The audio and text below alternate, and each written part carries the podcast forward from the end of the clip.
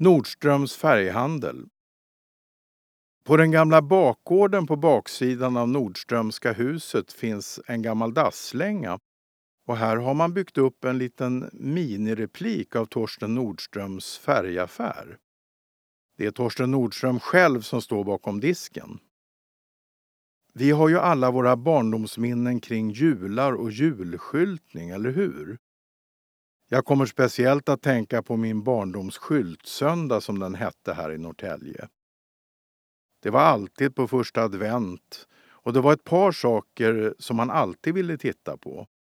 Det var konditor Hilding Rosenqvist som stod uppe vid Lindströms konditori och gjorde marsipanfigurer i skyltfönstret. Han var så otroligt duktig på det. Sen var det en tomte som cyklade i ett skyltfönster. Den kom senare att finnas i leksaksaffären Dubbelboas skyltfönster nere på Tillfällegatan. I år är det första året han inte finns där eftersom affären är nedlagd nu. Norrtäljes äldsta skylttomte brukar jag beskriva honom som. Han finns i tryggt förvar nu hemma hos Lena Jonsson och på så sätt är han återförd till fäderneshuset kan man säga, för det var hennes far Olle Henriksson som köpte honom en gång i tiden på en leksaksmässa nere i Tyskland. Sen var det ju Torsten Nordströms färghandels julskyltningar. Och inte bara julskyltningarna. Jag minns när jag fick följa med min mamma och mormor in i den här miniatyren av NKs ljusgård som Torsten lät bygga 1912 när han byggde om butiken. Han tog till jul bort alla tapetrullar och färgburkar och det var flera våningar upp i den där ljusgården. Och där satt han in fullt med leksaker, proppfullt med leksaker. Jag minns hur fantastiskt det var. Jag kommer speciellt ihåg ett rälsbusståg som såg ut som de som gick till Norrtälje vid den här tiden. De här gulorangea rälsbussarna. Och jag ville så gärna ha ett sånt där tåg i julklapp, men jag fick nog inte det. De tyckte nog att jag var för liten.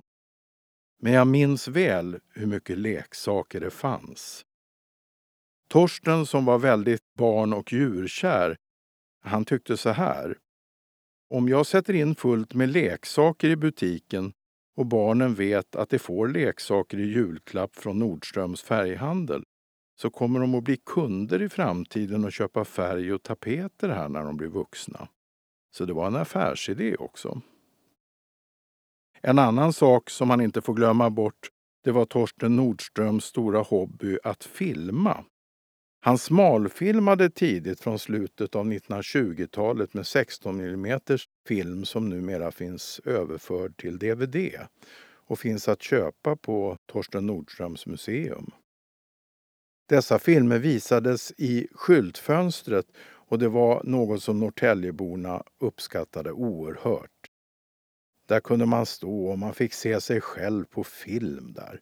Ja, ni får ju tänka att det här var långt före tvns ankomst med tv-apparater i varje hem. Även det som övertog butiken när Torsten pensionerade sig tidigt, ja redan i 45-årsåldern, fortsatte i samma anda. De hade varit springchasar på Nordströms, Sigvard Lantz till exempel. Det här var en butik som inte bara hade färg och tapeter. De hade kosmetika och man kunde köpa film där också tror jag.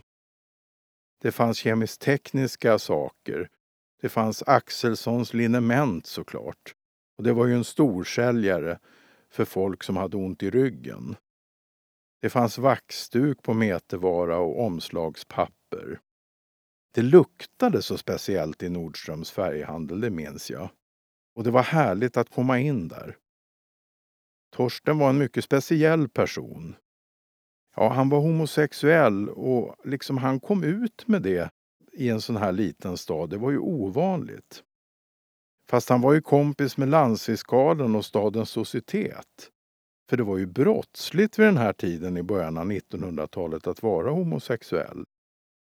Men han var accepterad och stod för sin läggning och det tycker jag var bra att han gjorde.